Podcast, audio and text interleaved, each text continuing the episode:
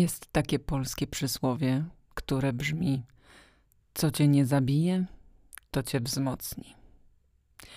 I ja sobie myślałam bardzo, bardzo długo, przez na pewno 35 lat swojego życia, że to jest bardzo mądre polskie przysłowie. Że wszystkie trudności, które mi się przytrafiają, doprowadzają do tego, że ja jestem po prostu harda sztuka i na pewno sobie ze wszystkim poradzę dzięki temu, że tak mnie życie doświadcza.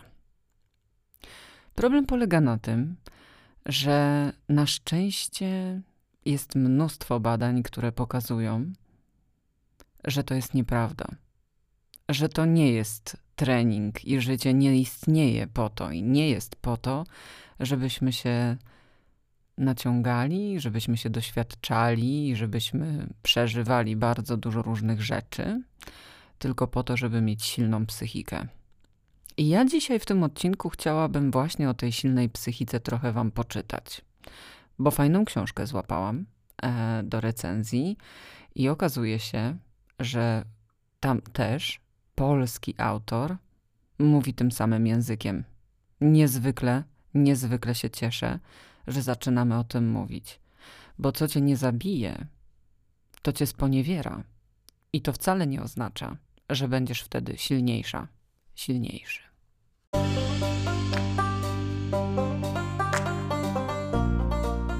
Natłoki myśli, nadmierne wzruszenia, zachwyty pięknem i potoki słów, upragniona cisza, zbyt duża empatia i dostrzeganie niuansów to wszystko jest darem, a zarazem przekleństwem w wysoko wrażliwym świecie. Idąc ulicą, spędzając czas z bliskimi, rozmawiając z szefem, na każdym kroku masz otwarty, szeroki kanał odbioru każdego dźwięku, gestu, słowa, obrazu. Czym jest? Jak sobie z nią radzić? Skąd się tu wzięła? Głęboko wierzę, że świat potrzebuje dzisiaj przede wszystkim wrażliwości Zapraszam na wysoko wrażliwy podcast. Małgosia Leduchowska. Fragment książki Zbigniewa Ryżaka pod tytułem Silna psychika. Poradnik wzmacniania odporności psychicznej na trudne czasy. Wydawnictwo Sensus. Strona na czytniku, od której zaczynam czytać, to 82. A jeżeli to wrodzone? A jeżeli słaba psychika jest częścią mojej natury? Jeżeli więcej nie jestem w stanie z siebie wycisnąć? Jeżeli to pułap moich możliwości? Bez obaw. Z siłą psychiczną się nie rodzimy, podobnie jak nie rodzimy się z siłą fizyczną. Być może niektórzy mają większe predyspozycje do tego, by stać się bardziej odpornymi czy sprężystymi. Nikt jednak nie dostaje siły bez ćwiczeń i wysiłku. Nikt też nie jest skazany na słabość, zarówno psychiczną, jak i fizyczną. Być może jesteś w tej chwili słaby. Kilka lat temu byłem bardzo słaby fizycznie. Nie byłem w stanie zrobić więcej niż trzy pompki, a mięśnie nóg miałem tak słabe, że lekarz zalecił mi serię elektrostymulacji. Nie jestem dziś siłaczem.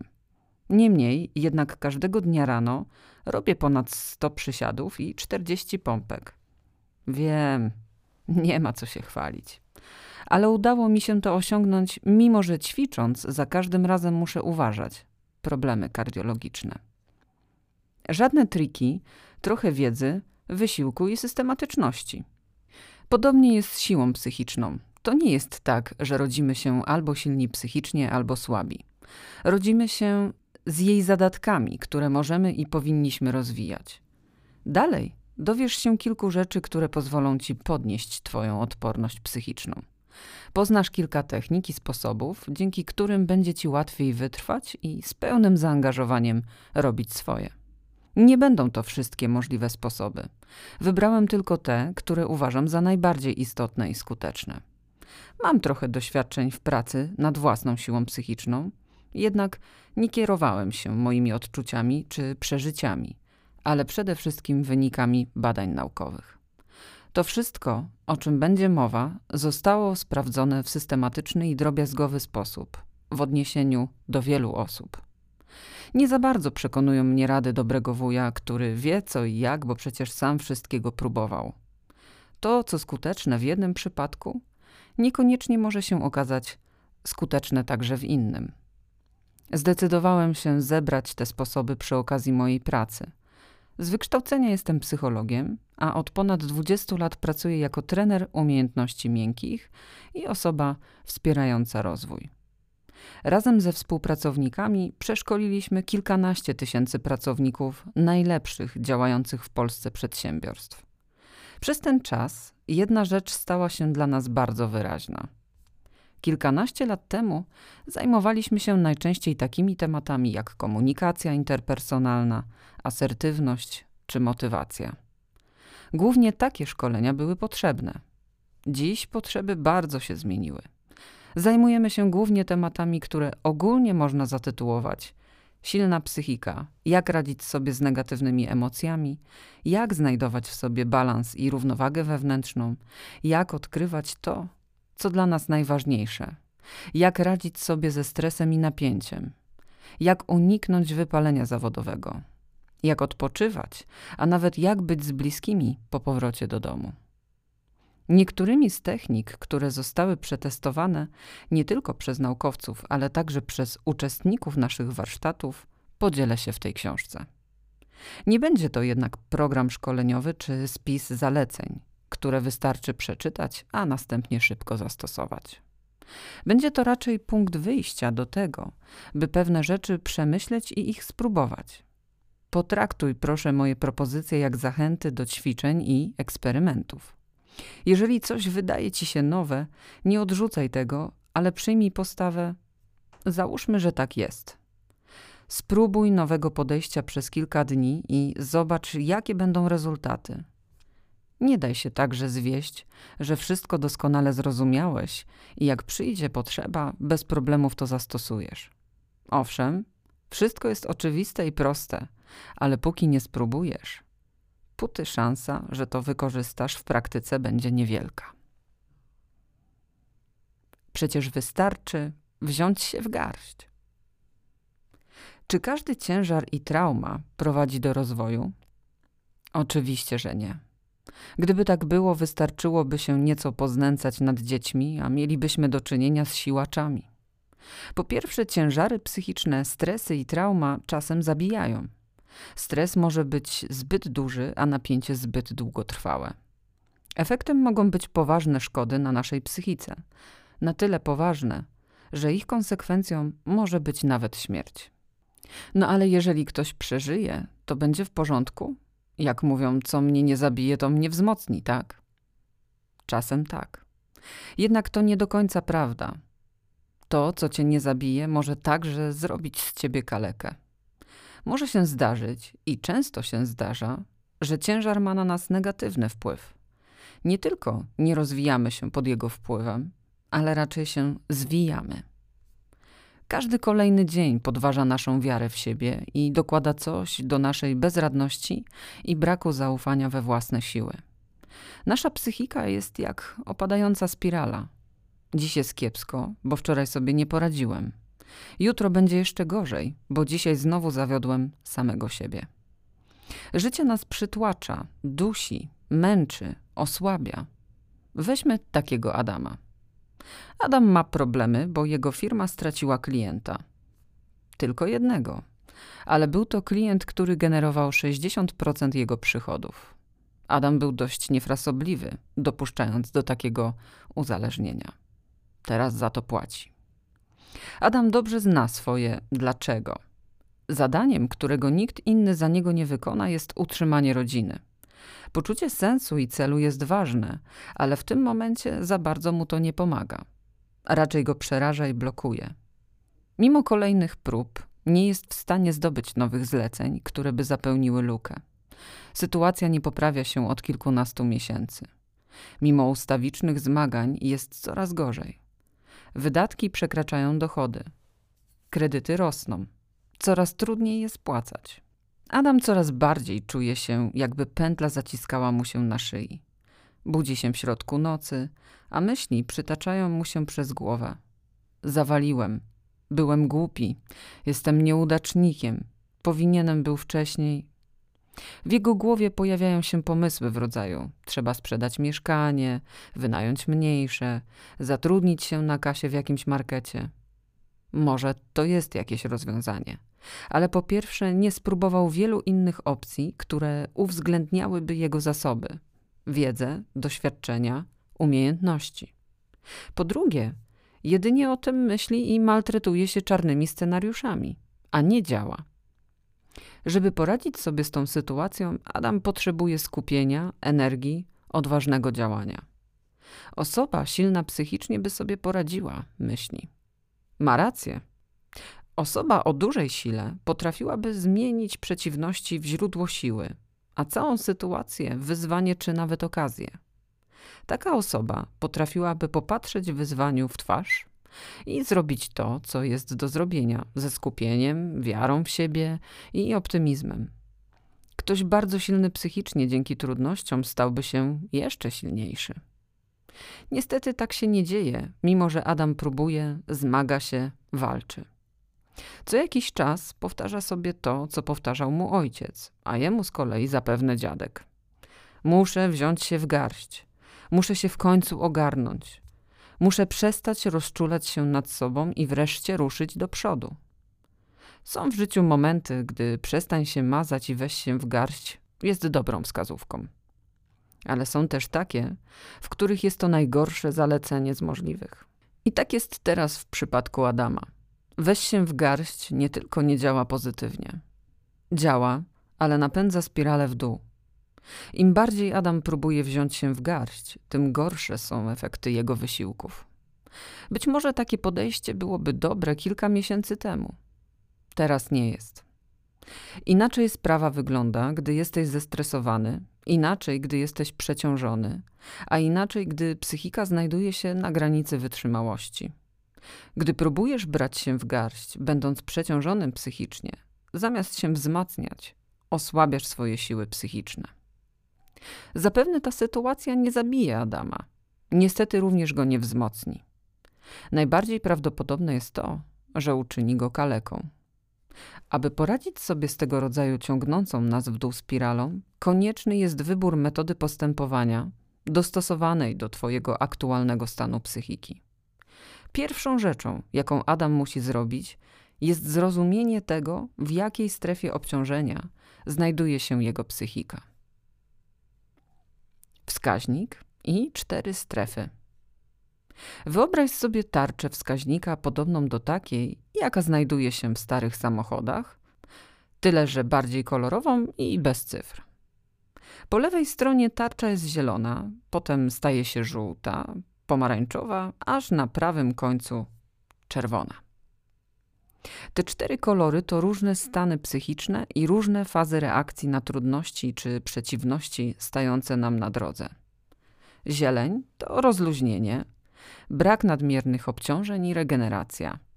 To strefa naszego komfortu. Bez problemów radzisz sobie ze swoimi zadaniami, bo je dobrze znasz. Masz utarte ścieżki, po których się poruszasz, zaadaptowałeś się do warunków i to, co masz do zrobienia, nie robi na tobie żadnego wrażenia. Zazwyczaj dobrze się czujesz w tej strefie, chyba że jesteś w niej zbyt długo. Wtedy możesz wpaść w apatię i inercję. Ponieważ ten stan dość różni się od rozluźnienia, można go określić za pomocą oddzielnej strefy niebieskiej. Żółty to kolor mobilizacji, pobudzenia, prężności. Koniec z rozluźnieniem, pora uruchomić silniki. To, co się z tobą dzieje, gdy znajdujesz się w tej fazie, bywa nazywane reakcją stresową. Rośnie tętno, napinają się ramiona, pocisz się, czujesz motyle w brzuchu, pojawia się szereg emocji takich jak dyskomfort, strach czy złość. Tutaj jesteś poza swoją strefą komfortu, przynajmniej o krok. Nie jest wygodnie, nie jest tak samo jak zawsze. Czy bycie w tej strefie to przyjemność? Czasem tak, czasem nie. Jest to przyjemność, jeżeli traktujemy zadania wywołujące mobilizację organizmu jak wyzwanie, któremu jesteśmy w stanie sprostać, a nie jak zagrożenie, którego się obawiamy. Znajdujemy się w tej strefie, gdy robimy coś po raz pierwszy i zależy nam na efektach tego działania. Czujesz się tak na przykład wtedy, gdy po raz pierwszy masz wyjść przed grupę i przemówić. Serce wali, oddech przyspiesza, głos drży, ale wychodzisz i jedziesz. Ludzie są zadowoleni, chwalą cię, odnosisz sukces, rozluźniasz się. Gdy następnym razem staniesz przed nimi, pobudzenie nie będzie aż tak mocne. Każdy kolejny sukces będzie cię przysuwał w stronę zielonego krańca skali. W końcu wygłaszanie przemówień znajdzie się w Twojej strefie komfortu i będziesz to robić, znajdując się wciąż w strefie relaksu i rozluźnienia.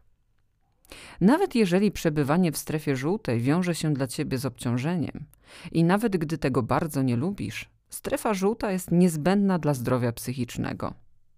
Okazuje się nawet, że jest zdrowsza niż strefa zielona. Tak, dobrze usłyszałeś. Najbardziej zdrowy jest stres. To właśnie w strefie reakcji stresowej dysponujesz największą siłą, zarówno fizyczną, jak i psychiczną. Problem jednak w tym, że trudność, jaka przed nami staje, nie zawsze kończy się kolorem żółtym.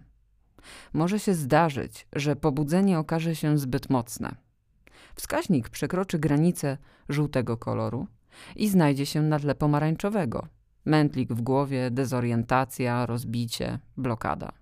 Stoisz i nie jesteś w stanie wydusić z siebie słowa. W strefę pomarańczową, strefę przeciążenia, można wskoczyć gwałtownie, nawet z zielonego, ale możemy się w niej znaleźć także po długim przebywaniu w strefie żółtej. Gdy zbyt długo jesteś zmobilizowany i pobudzony, gdy nie następuje rozładowanie, w którymś momencie możesz odkryć, że twoja psychika jest przeciążona. To jeszcze nic strasznego. Upośledzenie jest chwilowe i nie ma zazwyczaj potrzeby, by korzystać z pomocy specjalisty. Psychika ma spore zdolności regeneracyjne.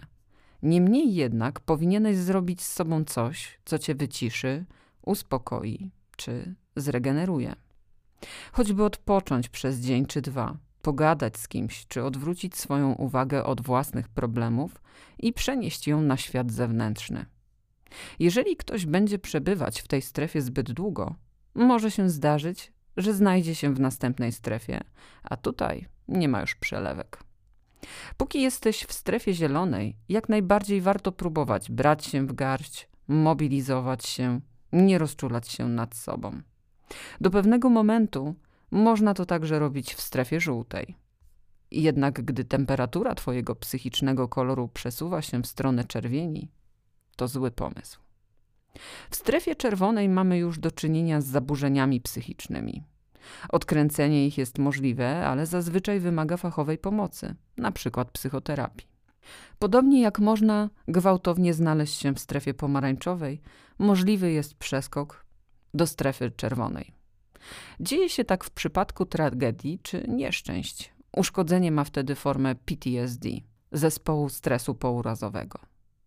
Nie jest to jednak regułą. Taki przeskok występuje w przypadku 10 do 20% ludzi, którzy przeżyli traumę. Na dobrą sprawę wciąż nie wiemy, co sprawia, że ludzie trafiają do grupy dotkniętej tym zespołem. Gdzie znajduje się Adam, o którym była mowa kilka stron temu? Po długim czasie przebywania w stanie napięcia zaczął opuszczać obszar zdrowego funkcjonowania, a wskazówka jego reakcji na przeciwności zaczęła docierać do obszarów pomarańczowych.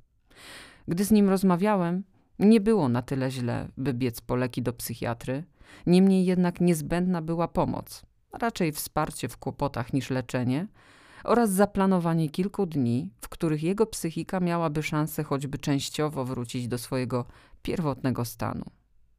Adam ma do czynienia z jakąś formą upośledzenia psychiki. Nie można jednak powiedzieć, że jest osobą, która ma słabą psychikę. Tak, w tym momencie reaguje na trudności smutkiem, przerażeniem i bezradnością. Nie jest to jednak efektem tego, kim jest, ale efektem tego, gdzie się znajduje. Każdy z nas może się znaleźć w każdej ze stref. Nie ma ludzi ze stali. Siła psychiczna nie polega na tym, że nigdy nie czujesz obaw czy przytłoczenia i nigdy nie ulegasz przeciążeniu, smutkowi czy nawet jakiejś formie depresji, ale na tym, że potrafisz na powrót odzyskać równowagę i wrócić do strefy zielonej. Adam okaże się osobą silną psychicznie, jeżeli uda mu się w jakiś sposób wrócić do poprzednich obszarów. Aby to zrobić, powinien dobrać sposób postępowania odpowiedni do obszaru, w jakim się znajduje. Jak zadbać o swoją siłę psychiczną? To, jak zadbać o swoją siłę psychiczną, zależy od tego, gdzie jesteś. Gdy jesteś w strefie zielonej, poszukaj stresu. Zbyt długie tkwienie w zielonej strefie prowadzi do stagnacji. Dla samego zdrowia psychicznego potrzebujesz co jakiś czas wyjść poza swoją strefę komfortu i zrobić coś, co wymaga mobilizacji, napięcia, zmagania się i prężności. Najłatwiej to osiągnąć, stawiając przed sobą trudne wyzwania i rozliczając się z nich. Wybierz coś ambitnego, coś, co przekracza Twoje obecne możliwości. Postaw przed sobą konkretne cele i daj sobie wymagające terminy. Zmobilizuj się i zaangażuj do mobilizowania cię innych ludzi. Niech cię rozliczają z tego, co udało ci się zrobić. Tak zwana presja społeczna jest źródłem stresu, ale tego przecież potrzebujesz. Nie rozczulaj się nad sobą, nie szukaj harmonii ani wyciszenia. W tej fazie podejście zamknij się i zacznij działać jest jak najbardziej na miejscu. Jedna tylko uwaga. Uważaj z tym, jakie masz wobec siebie oczekiwania. Zbyt wygórowane mogą doprowadzić szybko do nadmiernego stresu i przenieść cię nie w strefę żółtą, ale pomarańczową. Efektem może być ciągłe przeskakiwanie z zielonego obszaru komfortu, a nawet niebieskiego obszaru inercji, do pomarańczowego obszaru nadmiernego napięcia. W takich warunkach nie jesteśmy w stanie podnieść swojej siły psychicznej. Gdy jesteś w strefie żółtej, traktuj przeciwności jak wyzwania. Temu, jak poradzić sobie, gdy czujesz pobudzenie, poświęcona jest cała trzecia część książki Jak być silnym, gdy czujesz stres. W pigułce. Nie bój się stresu, nie traktuj napięcia jak twojego wroga. To twój sojusznik. Jeżeli czujesz, jak wali ci serce, jeżeli czujesz obawy i niepokój, jak pójdzie, to znak, że jesteś gotowy. Gdy pobudzenie traktujesz jak zagrożenie, sam pozbawiasz się siły. Przywołaj w pamięci te wszystkie razy, kiedy ci się udało. Przypomnij sobie, jak wieloma cennymi zasobami dysponujesz. Dałeś radę wtedy, dasz radę i teraz. Pamiętaj, że nie musisz radzić sobie z wyzwaniami sam. Zbuduj zespół, poszukaj ludzi, którzy mają podobne interesy co ty i z którymi możesz współdziałać, radząc sobie ze swoimi wyzwaniami. Gdy jesteś w strefie pomarańczowej, zregeneruj się. Poświęcona jest temu ostatnia część książki, jak być silnym, gdy presja trwa przez długi czas. W pigułce. Jeżeli jesteś przeciążony, nie bądź dla siebie zbyt ostry, bądź raczej współczujący i łagodny. Daj sobie czas, choćby chwilę, na regenerację. Przeznacz kilka dni, a może nawet tydzień lub więcej, na odkręcenie się. Odwróć uwagę od problemów, przestań je ustawicznie wałkować w swojej głowie. Zaakceptuj to, co się dzieje w tobie i zamiast wciąż naprawiać siebie samego, rozejrzyj się wokół. Popatrz na świat, na który na pewno ostatnio nie zwracałeś zbytnio uwagi. Wyśpij się, poruszaj, zadbaj o dobrą dietę. Przypomnij sobie, co jest Twoją wartością. Zwierzcie komuś, ale nie czekaj, aż ktoś przyjdzie. Poszukaj kogoś, z kim możesz szczerze porozmawiać, a jeszcze lepiej sam komuś pomóż. Gdy jesteś w strefie czerwonej, poszukaj fachowej pomocy. Tutaj nie ma dużo możliwości. Najlepiej iść do dobrego terapeuty. Niekoniecznie psychiatry, może być psycholog. Ta książka, ani żadna inna, za bardzo ci nie pomoże. Małe są szanse, by osoba, która jest w tej sferze reakcji na obciążenie, była w stanie czytać z korzyścią dla siebie i zrozumieniem jakikolwiek poradnik.